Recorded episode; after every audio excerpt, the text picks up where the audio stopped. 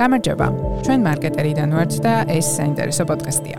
საინტერესო პოდკასტი შექმნილია ცოდნის და ცნობის მოყარე ადამიანებისთვის. აქ განსაკუთრებული ყურადღებით ვარჩევთ თემებს და გიყვებით აუცილებლად მოსასმენ ამბებს. პროექტის წარმოდგენია საქართველოს ბანკი. თქვენი არ ვიცი, მაგრამ ჩემს როგორც მარკეტერის ცხოვრებაში არსებობენ საყვარელი ბრენდები. ერთ-ერთი ასეთი ბრენდი არის წარმოშობით შვედი, რომელიც 1953 წელს 17 წლის ბიჭმა დააფუძნა, თავდაპირველად სრულიად სხვა პროფილით, თუმცა რამდენიმე წელიწადში შემატა ის პროდუქცია, რომლითაც კომპანია დღესაც აგრძელებს სოფლიო მასშტაბით ადამიანების ყოველდღიურობის გაუმჯობესებას. დიახ, არც მეტი არც ნაკლები, ზუსტად ეს არის ამ კომპანიის საქმიანობა და ალბათ ბევრი მიხვდით რომ 17 წლის ბიჭი გახლდათ ინგვარ კამპრადი, ხოლო საუბრობთ ბრენდ IKEA-ზე. სწორედ IKEA-ს თანამშრომელია ჩვენი დღევანდელი პოდკასტის სტუმარი, რომელმაც ბევრი წელი იცხოვრა შვედეთში, სადაც თავდაპირველად დაიწყო IKEA-ში მუშაობა გაყიდვებისა და პრომოუშენის ანალიტიკის მიმართულებით, ხოლო დღესდღეობით ის IKEA ამსტერდამის data scientist-ია და IKEA-ს ხელოვნურ ინტელექტზე მუშაობს. გიორგი კოკაია არის დღევანდელი ჩვენი სტუმარი, განათლებით ფიზიკოსი, რომელიც მოგვიყვება როგორ მოხდა IKEA-ში, რას აკეთებს იქ, როგორია IKEA-ს სამუშაო გარემო და ნახოთ იქნებ ისიც გავარკვიოთ, როდის შემოვა და შემოვა თუ არა საერთოდ საქართველოსში ყოველთვის სანატრელი IKEA. გამარჯობა გიორგი, მადლობა რომ დღეს ხარ ჩვენი სტუმარი. გიორგი კოკაია არის აა ქართველი რომელიც მუშაობს ამჟამად ამსტერდამის IKEA-ში. და მისი პოზიცია არის principal data scientist.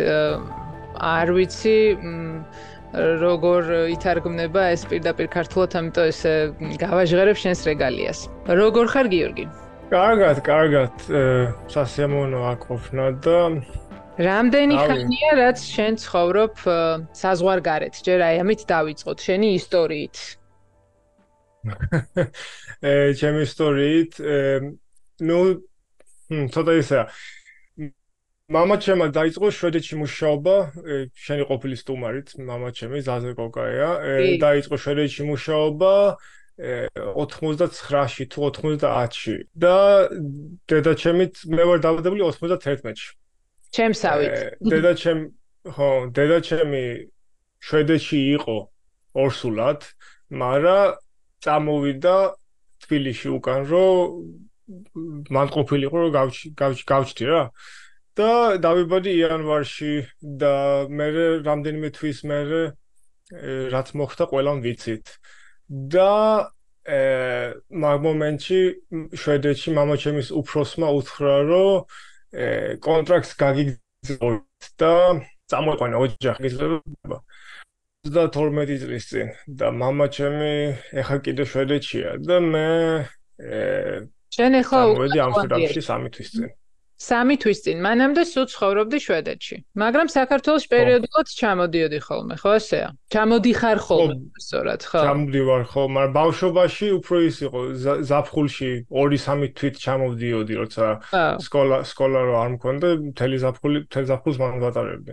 აჰა ეხა მოგვიყევი სანამ იკეაში მოხდებოდი რაც გახდა მიზეზი იმისა რომ შენ გადაცხოვრებულიყავი ამსტერდამში. მანამდე რა პროფესიული გზა გაიარე რა ერთია შენს პროფესიად, რა კარიერა გაიარე და როგორ მოხდი ბოლოს იკეაში, აი ეს გზა რომ მოგვიყვა, იმიტომ რომ რო გესმოდეს მაინც ჩვენთვის ხა საქართველოში ის რომ ქართველი მუშაობს იკეაში, მაინც რაღაცნაირად მიუწვდომლად მუშაობს, იმიტომ რომ ჟღერს უფრო სწორად, იმიტომ რომ მაინც იკეა ეს ისეთი ერთ-ერთი ჩემთვის პირადად საყვარელი ბრენდი არის და საქართველოშიც არ არის შესაბამისად რაღაცნაირი მიუწვდომლობის ელფერი აქვს ამ ყველაფერს და ეგ მოგვიყევი აბა როგორ მოხდი IKEA-ში და მანამდე რასაკეთებდი და რასაქმიანობდი.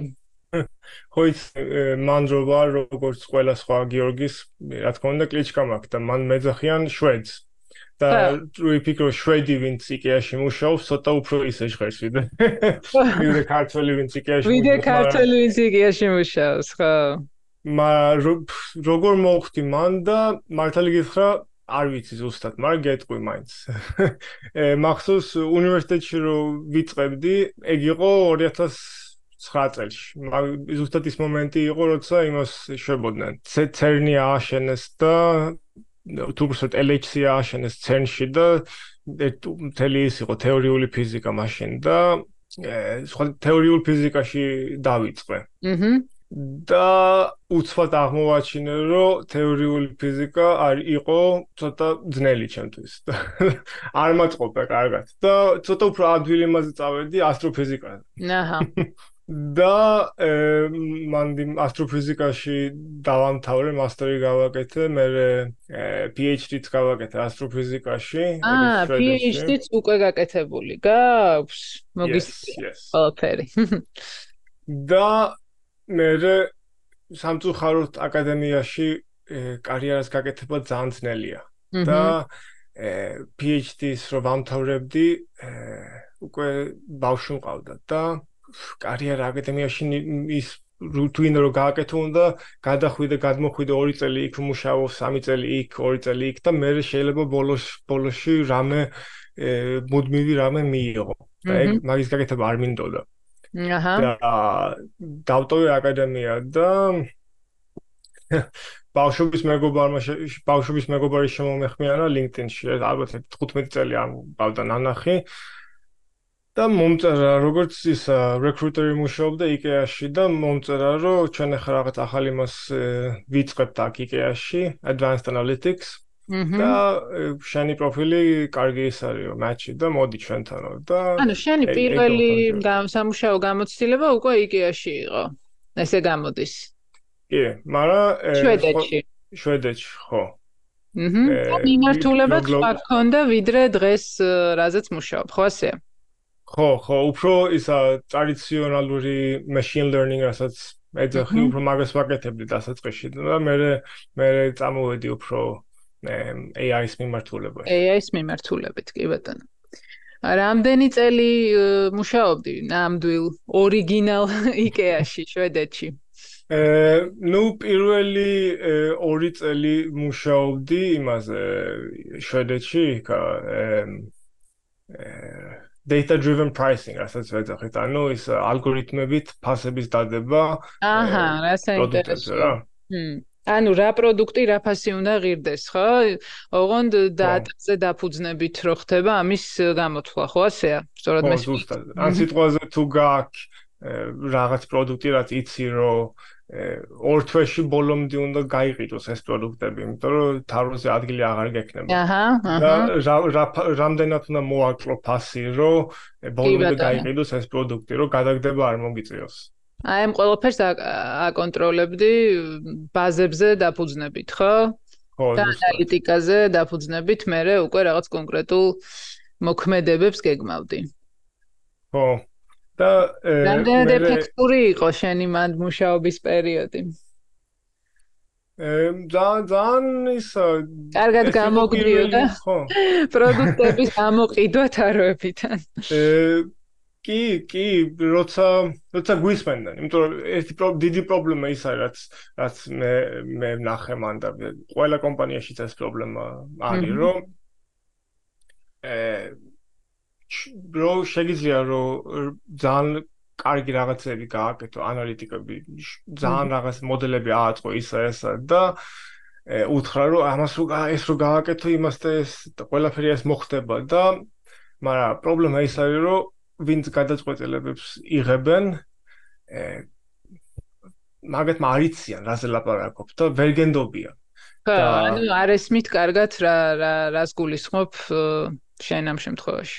ხო და მე გლობალურ ოფისში მუშაობდი და ყველა მარკეტთან მუშაობდი და ზოგი ზოგი მარკეტი ვინც გვისმენდნენ და ჩვენ რეკომენდაციებს ასრულებდნენ მაგათვის ძალიან დიდი ეფექტი ქონდა მაგრამ სხვა მარკეტებიც იყო სადაც არ იცოდნენ რა გაეკეთებინათ და რაღაც დონეზე გვისმენდნენ, რაღაც დონეზე არა და ის იყო რა. ჭიდილი იყო მოკლედ თქვენ შორის. ხო და ნუ ეს ეს ყველა ყველა კომპანიაში არის, ვისთანაც არ მილაპარაკია, ყველას ყველას აქვს ეს პრობლემა. აა გიორგი, მე ეს AI-ზე შენი გადასვლა როგორ მოხდა და ამსტერდამში როგორ აღმოჩნდი და რატო აღმოჩნდი? ეგეც რო გაგვიზიარო. მ ну ისა ასე ორი წლის წინ დაახლოებით 22-ის დასაწყისში ე ცოტა მომბეზდა რა ეს პრაისინგში მუშაობა და ამოწურე ხო და ვუთხარი ჩემ უფროს მაშინ რომ აღარ მინდა მისკეთება და თუ რამე სხვას არ მიპოვნი წავალ სხვაგან. ო და და ეს მიპოვნა თან ეს ხო იცი თითქმის 2 წლის წინ იყო და კი იყო AI-ს რაღაც რაღაცები ხდებოდა, მაგრამ ეს სანამ ChatGPT გამოუშოვდნენ და სულ სხვა ის იყო და დავიწყეთ რაღაც რაღაცებზე მუშაობა, მაშინ რაღაც პატარა პროტოტიპებს ვაწყობდით ისა ესა, მაგრამ ხალხს დიდათ არ აინტერესებდა რას ვაკეთებდით. შეიძლება უფრო დაინტერესებული იყავი AI-ით, ესე გატაცებული იყავი, აი უფროს რო უთხარი რო თქვა უკვე ამოუწურე ჩემი თავი ამ პრაისინგის ნაწილში და რამე პროფილის შეცვლა სურს, უკვე იცოდი რომ AI-ის მიმართულებით გინდოდა მუშაობა თუ რაღაცნაირად თან რადგან მაშინ ესეთი პოპულარული არ იყო, როგორ როგორ ამოყავი მათ თავი? დიდად გატაცებული მაშინ არ ვიყავი მართალი ერთხელ, იმიტომ რომ ჩემთვის აი შეიძლება ვიღაცა უსმენს ახლა და ფიქრობს ასტროფიზიკიდან წავიდა იკეაში ეს რანაირად შეუძლია რომ ეს იმას გაკეთო. ჩემთვის ჩემთვის არის რამეს რო ხედავ, რა პრობლემას რო ხედავ, თუ შემიძლია რომ აუხსნა ეს პრობლემა. მა ეგ ეგ იყო ჩემთვის დიდი ისა და მაგას ვაკეთებდი და ესეც AI-ზე რო დავიწყე მუშაობა, მაგას მასეც ვუყურებდი, რაღაც პრობლემები ქონდა, უნდა solution-ი გვეპოვნა და მაგრამ რაც უფრო მეტი ვიმუშავე ამაზე და რაც უფრო მეტი ვისწავლე, უფრო უფრო და უფრო გამიტაცა რა და თან თან ისეთ დროს და ადგილას მოვხვდი, რომ ეპიცენტრში ვიყავი ფაქტიურად და რომ არ მეხელთა ეს პერიოდი და ეს ადგილი იდიოტი ვიქნება მართალი გითხრა და ეგეც ის იყო რომ მაშინ ცოტა ხნის მერე ახალ ტიმში გადავედი ახლა ის პრაისინგიდან გადავედი ახლა სადაც მუშაობ ქვია digital ethics and responsible AI სადაც IKEA იყო ერთადერთი პირველი კომპანია ვისაც ჰქონდა ესეთი განყოფილება. აჰა. და ეს ეს განყოფილება უფრო ამსტერდამში იყო რა. მე მე ვიყავი ერთადერთი შვედი ცენტრალურ ოფისში ამსტერდამშიც არის ერთი ცენტრალური ოფისი და ყველანი მანდიჯდნენ და რაღაც მომენტში უფროსმა მითხრა რომ წამოდი ამსტერდამში აჰა აქ მინდა რომ იყო და უთხარი არა არ მინდა მე კარგად ვარ აქ შვედეთში და მითხრა კაი დაგაწინაურებ თუ წამოხვალ ამსთან მე კი ამსტრამში მაშინ. და ეგ იყო ზაფხულში და მოხდი აქ ხა გიორგი ეხა როგორია შენი ყოველდღიურობა? აი კონკრეტულად რაზე მუშაობ დღეს AI-ის მიმართულებით? აი რას აკეთებ რა მოაქვს შენს საქმიანობას IKEA-სთვის თვითონ კომპანიისთვის და მომხმარებლისთვის? რაზე მუშაობ? ორ რაღაცაზე მუშაობ. ერთი არის თვით თანამშრომლებ თანამშრომლებისთვის AI tools-ის გაკეთება და მეორე არის AI chatbot-ებით რაღაცას ვაკეთებთ homepage-ისთვის. დასაგები, ანუ შემოვიდა web-ზე მომხმარებელი და დახვდა chatbot-ი. ან შემოვიდა social media-ში და დახვდა chatbot-ი? ხო, დაახლოებით. ახლა მართალი გითხრა, ბევრს დეტალებს მაგაზე ვერ გეტყვი ახლა, მაგრამ აჰა, მაგრამ ჯერ არ არის დალონჩილი, ხო? ანუ ხო, ზუსტად. აჰა, ოკეი. მაგრამ პრინციპ პრინციპი ის არის, რომ IKEA არის ну 80 წლის გახდა ახლა 2 თვის წინ IKEA. აჰა, აჰა. და ამ 80 წლის განმავლობაში ძალიან ბევრი რაღაცა ვისწავლეთ და ძალიან ბევრი ოპტიმიზაცია მოხდა მაღაზიების და როგორ უნდა გაყიდო რასაც ყიდი.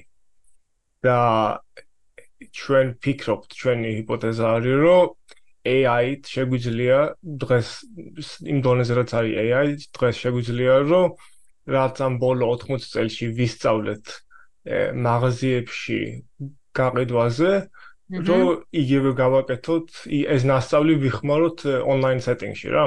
აჰა, გასაგებია. ანუ ოფლაინ ანალიტიკა გამოიყენოთ ონლაინ გაყიდვებისთვის, ხო, რაღაც ესეთი გამოდის. თუმცა ანალიტიკა არა, უფრო როგორ უნდა როგორ უნდა ელაპარაკო ვინც როგორ უნდა ელაპარაკო ვიღაცას ვინც რაღაც აინტერესებს.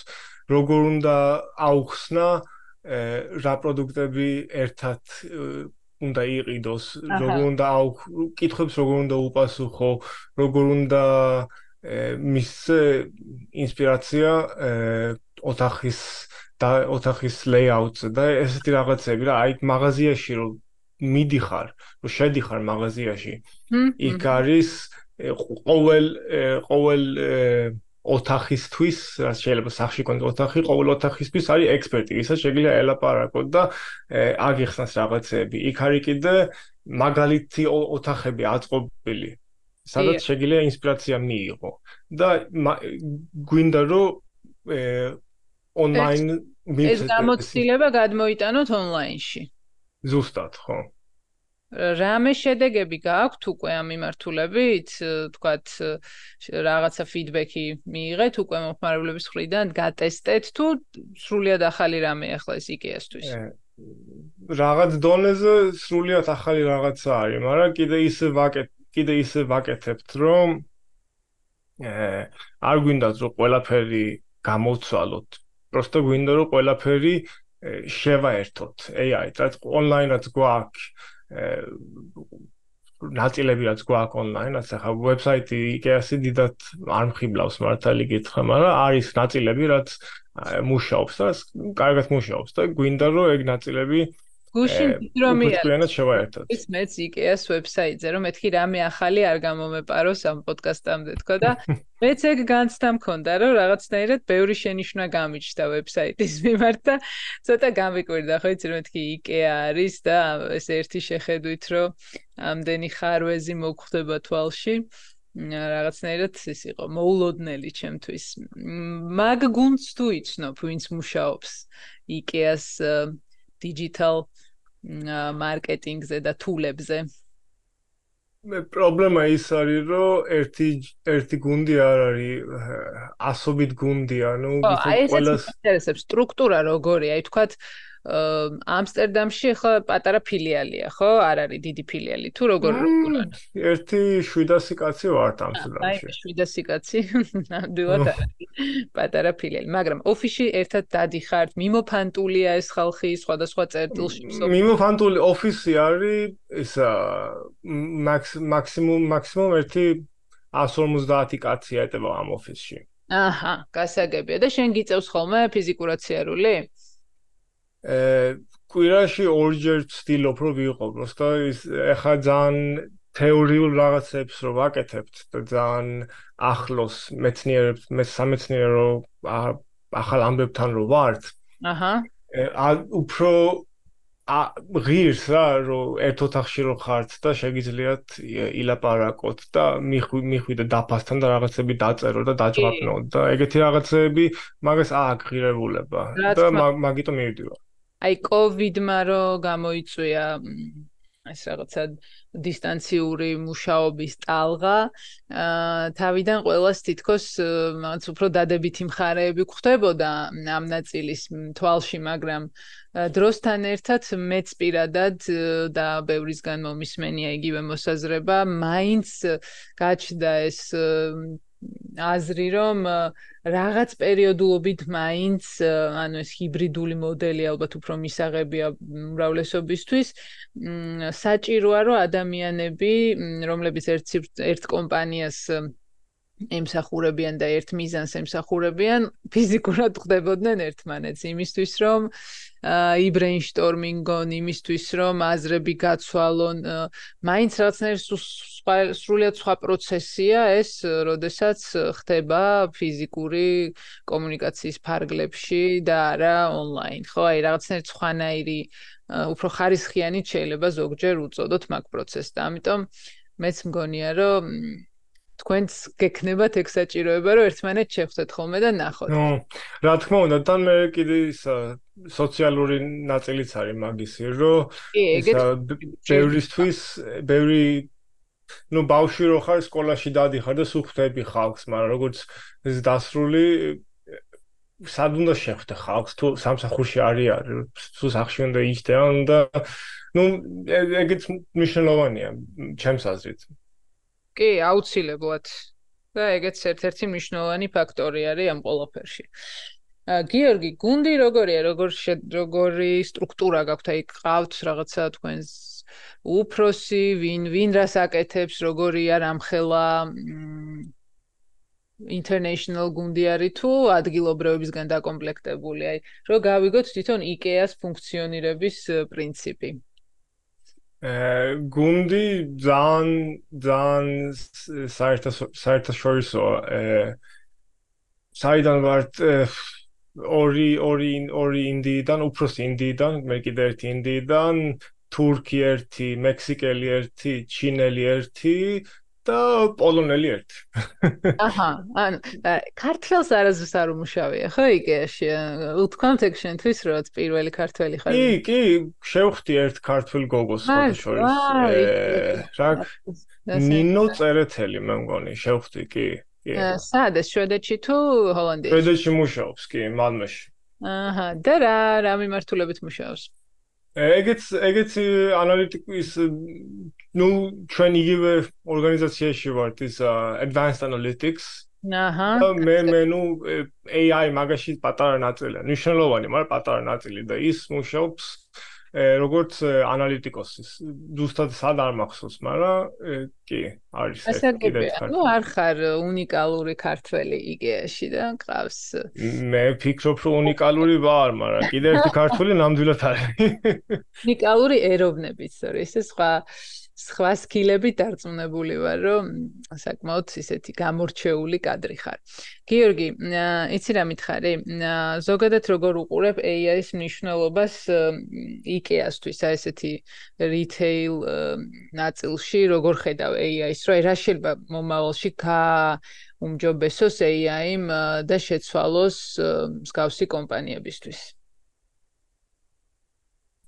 მე მგონი ჩემს აზრით, ახლა რა თქმა უნდა მე ჩემი ჩემი ინტერესია მაგამაში, მაგრამ მე მაინც ვფიქრობ, რომ ე ყველა რიტეილერისთვის იქნება საჭირო, რომ ეს ტექნოლოგია იხმარონ. ფაქტიურად, რომ იგივეა, რომ 30 წლის წინ ეთქვათ, რომ თუ უფრო 25 წლის წინ ეთქვათ, რომ არა, ჩვენ ინტერნეტი რა გვინდა, რიტეილერი ვართ, ინტერნეტი ვისასთვის ჭირდება.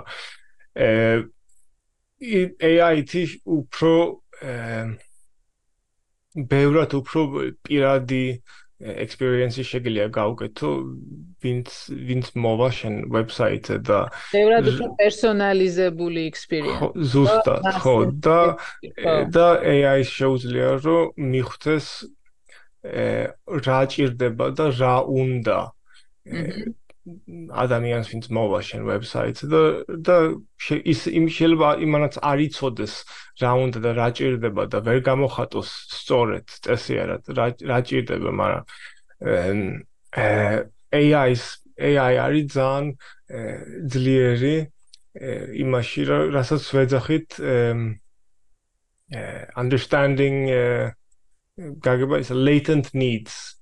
latent needs ნიშნავს დამალული სურვილები ფაქტიურად. და არის ის და ხდება მის ქვეცნობიერში, ხო? ანუ რომ ვერცნობიერებს რომ ეს სურვილი მას შეიძლება კონდეს, ხო? და რაღაცა ტრიკი ჭირდება, რომ ეს სურვილი გარეთ გამოვიდეს, ხო ასეა?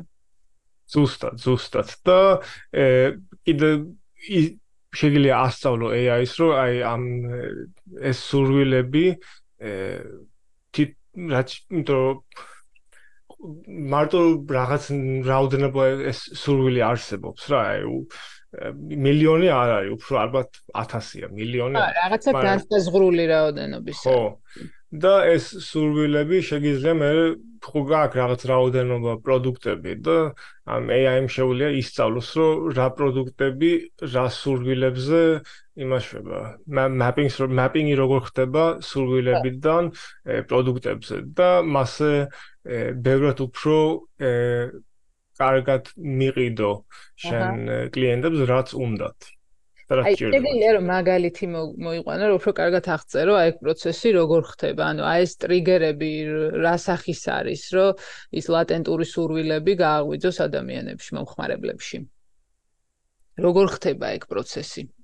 აი შემოვიდა თქვა ვებზე ხო და რა ხდება მე შე სიტყვაზე შეხვედი შეხვედი ჩატ რაღაც ჩატბოტზე და ელაპარაკები და რაღაცები რაღაცების ყიდვა გინდა და რა ამ ლაპარაკში ამბობ რომ ხო ისა ძაღლისთვის მინდა რაღაცეები. ხო, აჰა. და რაღაცა ძაღლისთვის რაღაცას იშოვნი და მე კიდე იქნებ გინდა ტახტი. და AI ამ მომენტში თუ იცის რომ შენ გაქვს ყავს ძაღლი, შეიძლება მან იფიქროს, რომ შენი latent need არის ადვილი გასაწმენდი. და მე მოგცეს რეკომენდაციები ადვილი ერთ-ერთი ნაწილი მაგ რეკომენდაციაში იქნება, რომ ადვილი გასაწმენდია, იმიტომ რომ შენ ყავს ზაღლი. რომელსაც შეიძლება ბეწვი ცვიოდეს. ზუსტად. აა ზოგადად როგორია შენი დამოკიდებულება ხელოვნური ინტელექტისადმი ხა ეს თემა უკვე ძალიან ძალიან გაცვეთილათაც შეიძლება ჟღერდეს, იმიტომ რომ ძალიან ბევრი სტატია, პოდკასტი, გადაცემა, არ ვიცი, ყველანაირი სახის დისკუსია ეძღვნება ხოლმე ამ თემას, მაგრამ აი შენ ადამიანი რომელიც თან IKEA-ში AI-ზე ესე კონცენტრირებულად მუშაობ, რა დამოკიდებულება გაქვს აი იმ შიშების მიმართ, რომელს რომელიც ესე стереოტიპულად გვესმის ხოლმე ადამიანებისგან, რომ შეიძლება დღესდღეობით უკვე ისე დადგეს საქმე, რომ რაღაც პროფესიები, გარკვეული პროფესიები ჩაანაცვლოს AI-მ. მაგაზე რას ფიქრობ? ну, თუ დავიწყეთ პროფესიებზე, მე შევაჯიბროთ ადამიანი და AI, ხელოვნური ინტელექტი.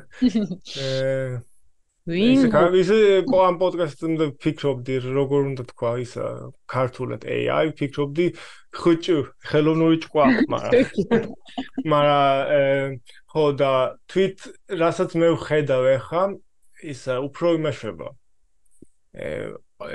ეხ უფრო არ ამგონია რომ დღესდღეობით შეცვალოს ხალხი. უფრო იმას ისამს რომ უფრო მე მე ვხმარობ ახლა გააძლიერებს ადამიანებს. ზუსტად. მე მე ყოველდღე ვხმარობ ცხოვრებას კი მეც ესე აღვიქვამ. რას ხმარობ რა თულებს ხმარობ და რა ტექნოლოგიებს იყენებ? ну ChatGPT-ს ხმარობ, ну, პირადად ჩემთვის თითქმის ყოველ დღე. სამუშაოდ და ჩემთვისაც მეილებს დაწერინებ ChatGPT-ს.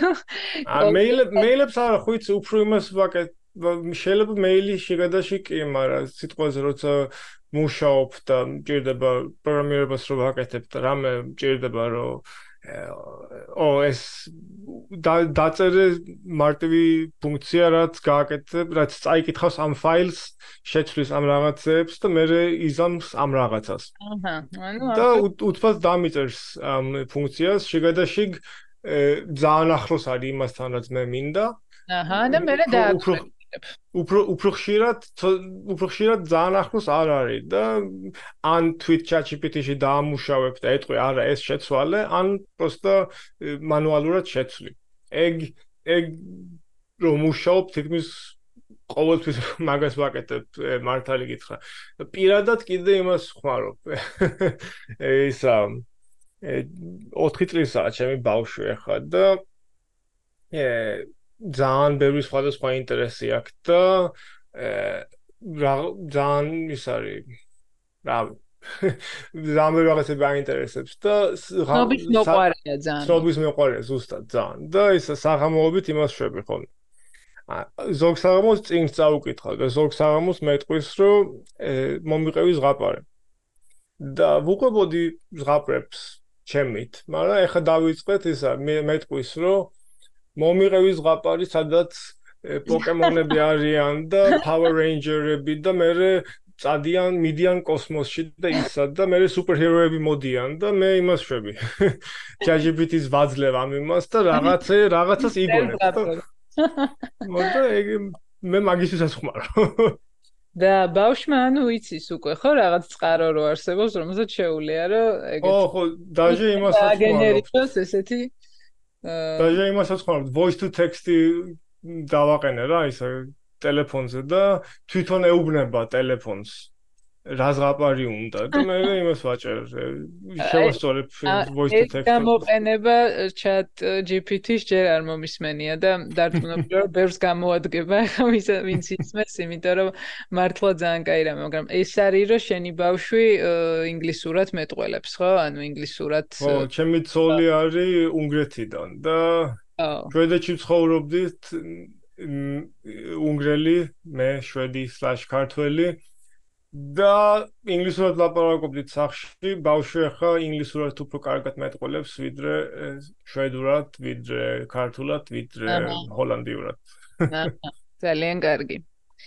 აა ნუ ძალიან კარგი რომ ინგლისური ესე კარგად იცის, მაგრამ ნუ ქართულ ენაზე რა თქმა უნდა, ახლა ალბათ თქვენს გეკნებათ ეგ გულის წვეტა, რომ ისე კარგად არ იცის, მაგრამ არა უშო. აა ახლა ახლა ახლა ერთი კვირა ახლა შობულება ქონდა და ჩემ შობლებთან ჩავიყვანე და იქ იყო 10 დღე მან და მეუბნებიან რომ ყველაფერი ესმის, პროსტა ყველაფერს ვერ ამბობს ჯერ, მაგრამ ნუ არა უშავს ინგლისურად გაგებინებთ ყველაფერს.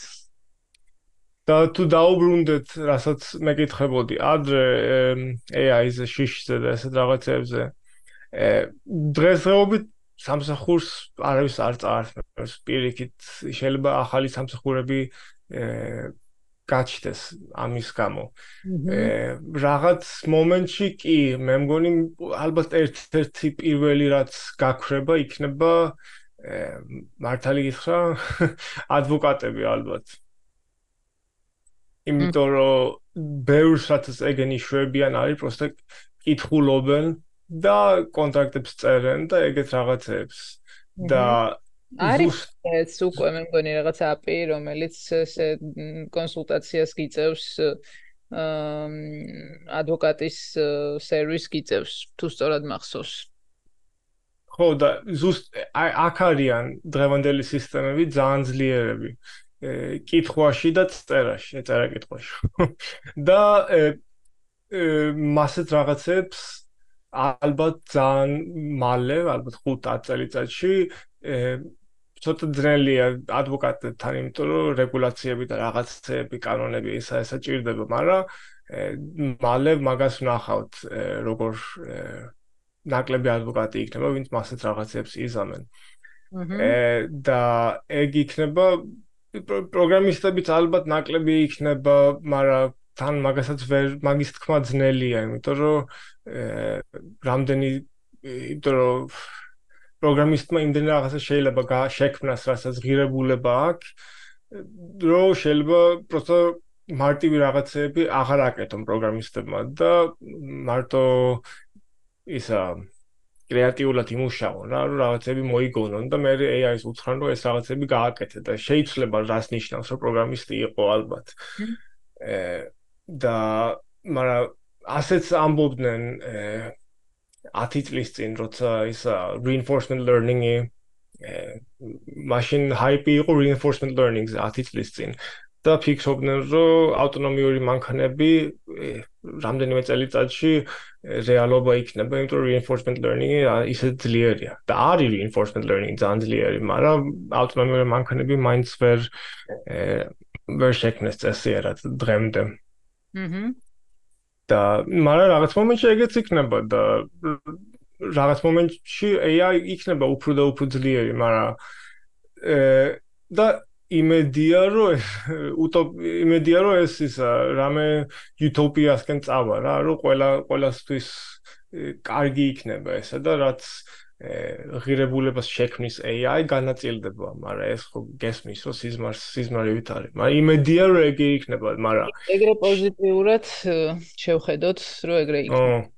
მაგრამ შიში დიდად არ მაქვს მართალი გითხრა რორამე ეს ტერმინატორული შიში დიდად არ მაქვს მე მართალი ტერმინატორულ დისტოპიურ სცენარებს არ ხედავ ხო არც მე ეს რაღაცა გააჩნია ალბათ პერსპექტივას როგორ უყურებთ ამ შესაძლებლობას და როგორ აღვქვამთ მნიშვნელოვანია აქ რომ განაცალკევო რამდენად ჭკვიანია AI და რამდენად ავტონომიურია AI სისტემა არ მახსოვს სად სად წავიკითხენ სად მოვისმინეს მაგალითი, მაგრამ კაი მაგალითია. აი შეხედე ჩვენ twins.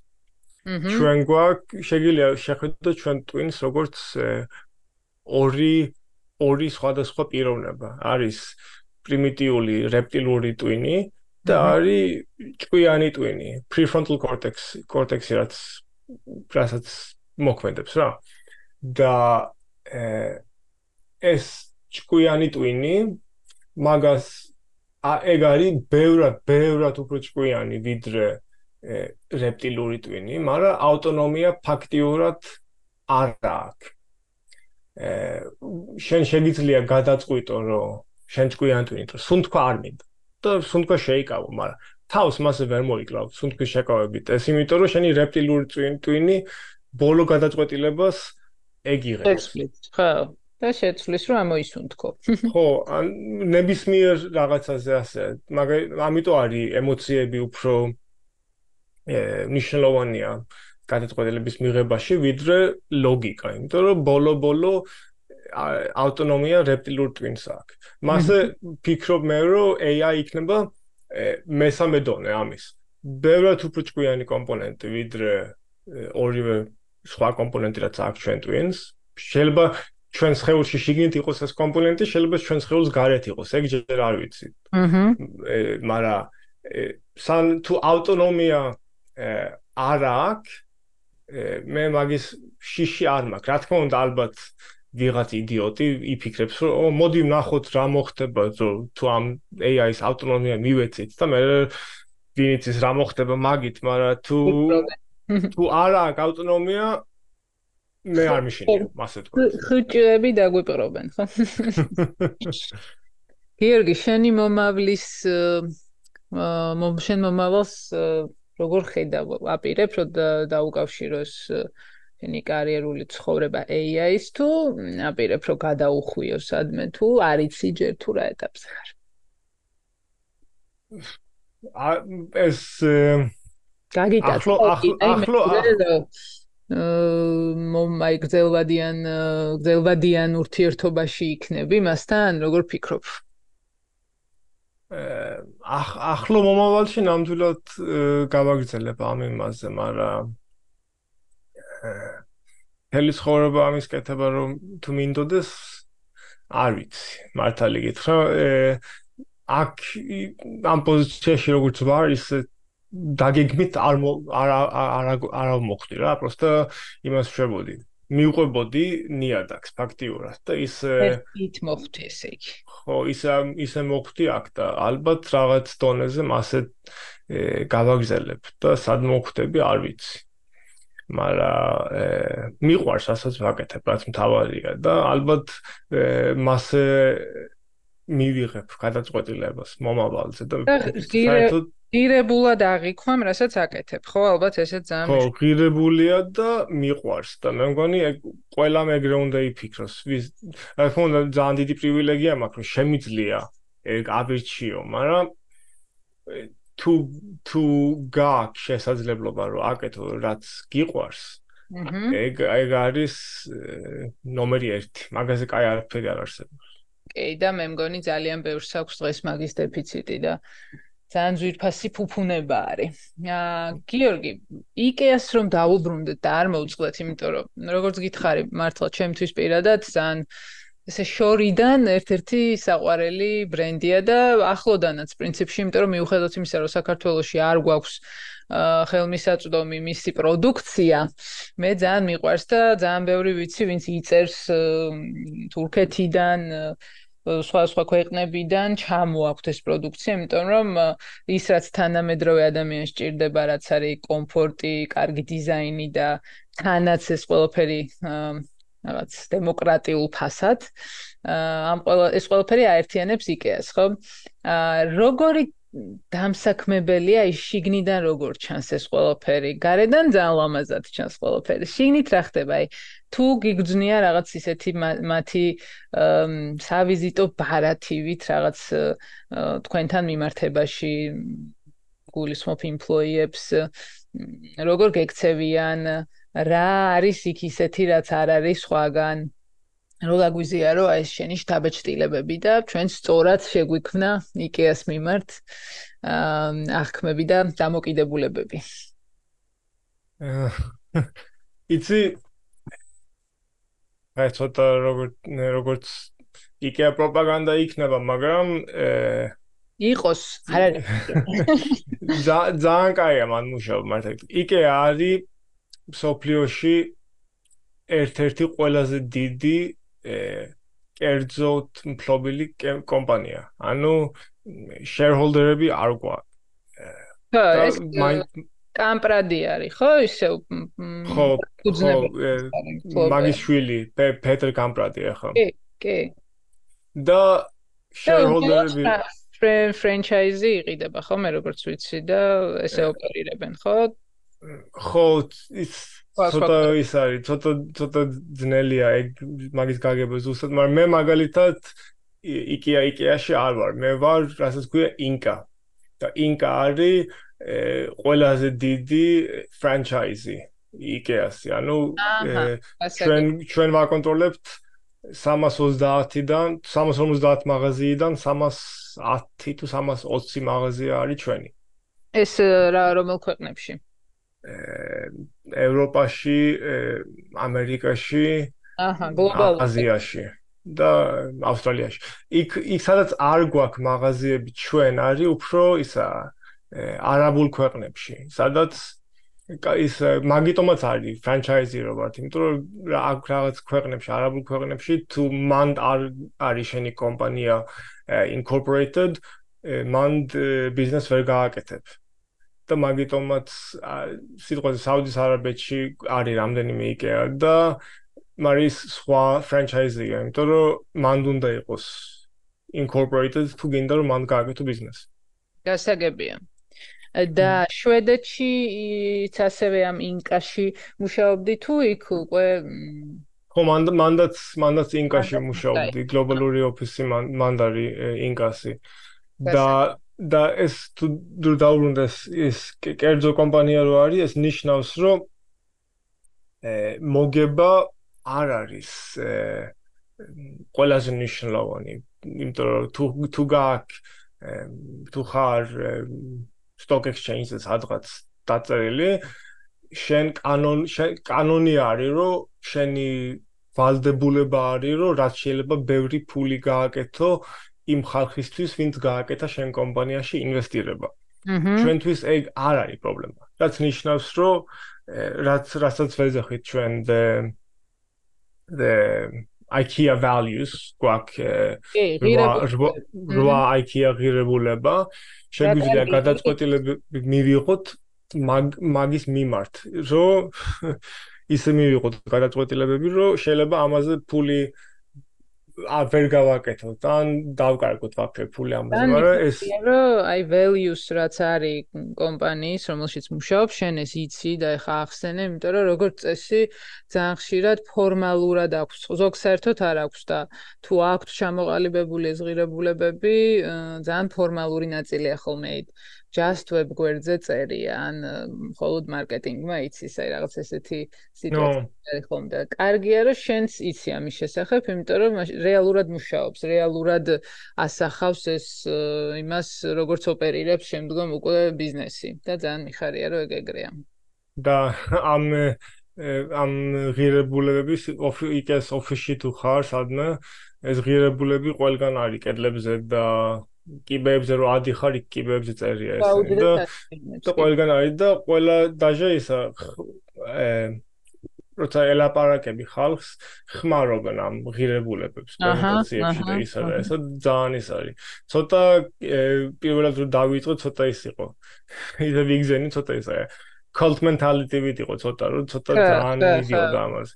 მაგრამ მაგრამ კარგი, იმიტომ ამიტომაც შეგვიძლია გავაკეთოთ ინვესტირებები სიტყვაზე AI-ში, სადაც მოგებას არ ვნახავთ დიდი ხანი, მაგრამ შეგვიძლია დავხარჯოთ ამაში ფული, იმიტომ რომ მიდის ჩვენ ღირებულებისკენ რა. აჰა, გასაგებია. და თქვათ როგორც იქ დასაქმებული, როგორ გრძნობ თავს დაფასებულად team building-ები გაქვთ თუ არა ხშირად ან თანამშრომლები ერთმანეთთან მეგობრობთ აი ესენიც რომ მოგვიყვე თუ შეგიძლია. აა კი, ნამდვილად უმეტეს ეხა ამსტერდამის ოფისში რო გადმოვედი, ეს ოფისი შედარებით ახალი გახსნილია. ის მე მგონი შუა პანდემიის დასაწყისში გაიხსნა ზუსტად. და ძალიან ბევრი ხალხი ვინც მუშაობენ მან არიან ისა ექსპატები რა ვინც გადმოვიდნენ მან ზუსტად რო იმუშაონ მან რა და ამიტომაც რო ვამბობდი ადრე რომ სოციალური ნაწილი მნიშვნელოვანია ოფისში რომ მიდიხარ ყველანი ვინც მანდ ვართ, ყველანი არა, მაგრამ ბევრი ვინც მანდ ვართ, სხვა სამხანაგო არ გვაქვს ქალაქში რა და ძალიან ისეთი ისე გამოდის რა ძალიან ამხანაგური სიტუაცია გამოდის ოფისში. აჰა, ძალიან კარგი. აა გიორგი, აა ეხა მივადექით მტკივნეულ ნაწილს. ხო არ იცი შემთხვევით საქართველოში რატო არ არ გვაქვს IKEA და ხო არ შეგვაწევდი ერთ-ერთ სიტყვას რომ გაიხსნას ეს IKEA ჩვენთან და დავისვენოთ ყველა. ხო არ გილაპარაკიათ ამაზე. მე მე ჭორი გავიგე ასეთი რომ ე უნდა გახსნილიყო IKEA საქართველოში. და წინა მთავრობა ან არ ვიცი მთავრობა თუ თბილისის მერია თუ ვინ იყო არ ვიცი. შეპირდნენ IKEA-ს მიწას რომ აი აქ ეს მიწა თქვენია მოდით აშენეთ მაღაზია აქ.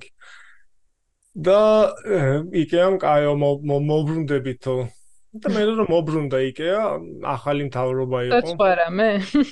და ახალ მთავრობამ, ეხა არ ვიცი მთავრობა იყო თუ მე არ ვიცი ვინც ყვეც მაგას მან, მაგრამ ვინც იყო, ვინც ახალი იყო მან მოთხოვა ფული. რაო, ჩვენ არაფერი არ შეგვიდით თქვენო და გადაგვიხადე ფული ამიწაში. ეს ძალიან შეურაცხყოფა მიაყენა IKEA-ს, რომელიც ამ ამ მიმართ ძალიან შვედურია და თუ დათანხმდი სიტყვით შვედეთში შეგიძლია ეგ სასამართლოში წაიო, წაი მიხვიდე მაგაზე, რომ ჩვენ სიტყვით თანხმობა ქონდა და ამან დაარღვია. ანუ სიტყვა ძალიან მნიშვნელოვანია შვედეთში და კანონია და და ძალიან შეურაცხყოფა მიაყენა ამას IKEA და კაიო, მაშინ არც გავაკეთებ მაღაზიას აქ, არც გჭირდება აქ გაკეთება your loss და არც აშენდა ეს მაღაზია. ნუ ეს ეს ჭორია რამდენად სიმართლე ამ ჭორში არ ვიცი. იმას გეტყვი რაც ვიცი. ეგ ჭორი მან გაიგე? თუ აქ ეგეთ ზამში. ეგ აქ აქ გავიგე. მან გაიგე. ა ნუ პატი. თბილისში გავიგე ეგ ჭორი. ე პოლიტიკოსმა მან მითხრა რომ ასე მოხდა. და მაშინ შეიძლება წარწმუნო არ იყოს. მან გაიკითხე მან, რომ აი რა, ისე მართლა მაინტერესებს რა კრიტერიუმებით არჩევენ ახალ ბაზარს, ახალ ქვეყანას, როგორ შედიან მარკეტზე. რა ვიცი რომ ეხა არის დიდი ინვესტირება, ის ამერიკა ამერიკაზეა დიდი ინვესტირება ეხა და ინდიაში. ინდიაში გავხსენით ბოლო 2 წელი სამი პირველი მაღაზია გაიხსნა ინდიაში 4 წლის წინ მე მგონი და ბოლო წელს გავხსენით კიდე აი მე მგონი დელიში ხომ ზუსტად არის ბანკ და თან ახალ ოფის ხსნით ახლა ბანგალორში დიგიტალურ ოფის ხსნით ბანგალორში და დიდი ინვესტირება მინდის მაკეთ და კიდე დიდი ინვესტირება მინდის ამერიკაში იმიტომ რომ ამერიკა კი არის ჩვენი ერთ-ერთი ყველაზე დიდი მარკეტი, მაგრამ მარკეტ ლიდერი არ ვართ ამერიკაში. აჰა. იქ Walmart-ი გაქვს, Wayfair-ი გაქვს, Amazon-ი და ეხა წელს გავაკეთ ის 2 მილიარდი დოლარის ინვესტირება გაკეთდა, რომ ამერიკაში expansion-ი გავაკეთოთ. და ამის გამო ალბათ ეხა უფრო პატარა მარკეტები დაბალი პრიორიტეტი არის ალბათ და ეგ ერთი ნაწილია. მეორე ნაწილია ალბათ ის რომ საქართველოში ჯერ ერთი პატარა მარკეტი არის, მაგრამ ეგ დიდი მნიშვნელობა არ არის. პატარა მარკეტებშიც არის, ევროპა პატარა ევროპულ მარკეტებში არის, სლოვენიაში ეგეთ ქვეყნებში ვართ. მაგრამ მე მგონი ერთი კიდე ის არის, რომ უკვე არის ისა ჩამოყალიბებული ისა კონკურენტები საქართველოში. მაგალითად ისა ისკი ან დანიური სახლი, რასაც ეძახება. მე მაინც მგონია, რომ აა ხო, ну, ბევრი სხვაობა არის იუსკსა და აა იკეას შორის და თან იკეას მაინც უფრო მეტად მისტირის ყველა, იმიტომ რომ იკეაში უფრო გვეგულება ის რაღაცები, რაც თანამედროვე ადამიანებს გვჭირდება და გვაინტერესებს და არ ვიცი ხო ეგ რამდენად არგუმენტი არის. შენ შეგილია რომ ჩვენი ხათრით გაარჩიო ეგ საკითხი მან და რჩევის სახით უთხრა რომ გელოდებიან ქართულ მარკეტზე და შემოდით. ხო, იცი, ახლა ახლა მუშაობ, ახლა ვითხარი ადრე იმას რომ მუშაობდი э internal tools თანამშრომლებისთვის. ერთი ერთ ერთ ჯგუფს ვისაც ვეხმარები არის ისა არ ვიცი ქართულად რა არის. Auditors audits ვინც აკეთებენ აუდიტორები. აუდიტორი, კაი, ხო ისა და მაგათ ვეხმარებით რომ იმას ქნან AI ხმარონ რომ რაღაცები რაღაც reference models ხმარობენ რაღაცაში რომ როგორ უნდა გააკეთონ აუდიტი და დიდი ფიქრი და დიდი დრო მიდის ამაში რომ დაგეგმონ აუდიტის გაკეთება და მან ნახე მაგეთ დოკუმენტაციაში რაღაც რაღაც აუდიტი კონდ გაკეთებული ახალი ახალ მარკეტებზე და იქნებ მან შემილია ჩავდო რამე კი კი კი სადმე სადაც იყოვი რაიმე შესაძლებელი არ გაუშვა ხელიდან გიორგი, ძალიან დიდი მადლობა ესეთი კარგი საუბრისთვის. მიუხედავად იმისა, რომ ამდენი წელია შვედეთში ცხოვრობ, მაინც ძალიან გასაგები არის შენი ქართული მინდა გითხრა. ასე რომ დედა ჩემი ის ქართულის მასწავლებელი იყო და მაგის ხოლმე ხო მისი ხელი ხო ეხა ეხა მაგის დიდი ის იყო მისია იყო რომ ქართულად კარგად ლაპარაკობდეთ და დაჟე წარაკითხვა. ხა ძალიან კარგად კი ვერ ვერ ვკითხულობ ქართულად. ხო იცი, რომ ვკითხულობ, ყოველი 100 100 უნდა წავი, არ შემიძლია პროცესი შევხედო ტექსტს და გავიგო რა. ყოველ 100 უნდა იმას რა. წავიკითხო, მაგრამ მაგრამ შემიძლია კი წარაკითხვა. სულ და ჩემის ის არის. მაგისი რო არ იყოს, ხო. აჰა. არა, ძალიან კარგია, იმიტომ რომ სხვაგვარად დღე ვერ მოგიწევდით ჩვენს პოდკასტში, იმიტომ რომ მარტო ქართულ ენაზე გვაქვს და აა ვერ გავიგებდით ესეთ ჩვენს გამოცდილებაზე და მოგზაურობაზე შვედეთსა და იკეაში. ძალიან დიდი მადლობა გიორგი, ბევრი წარმატება შენ, შენ საქმიანობაში. ჩვენც ბევრი წარმატება რო იკეა მალე შემოვიდეს ჩვენთან და მოკლედ გაგვაგებინე რამე ახალი თუ იქნება.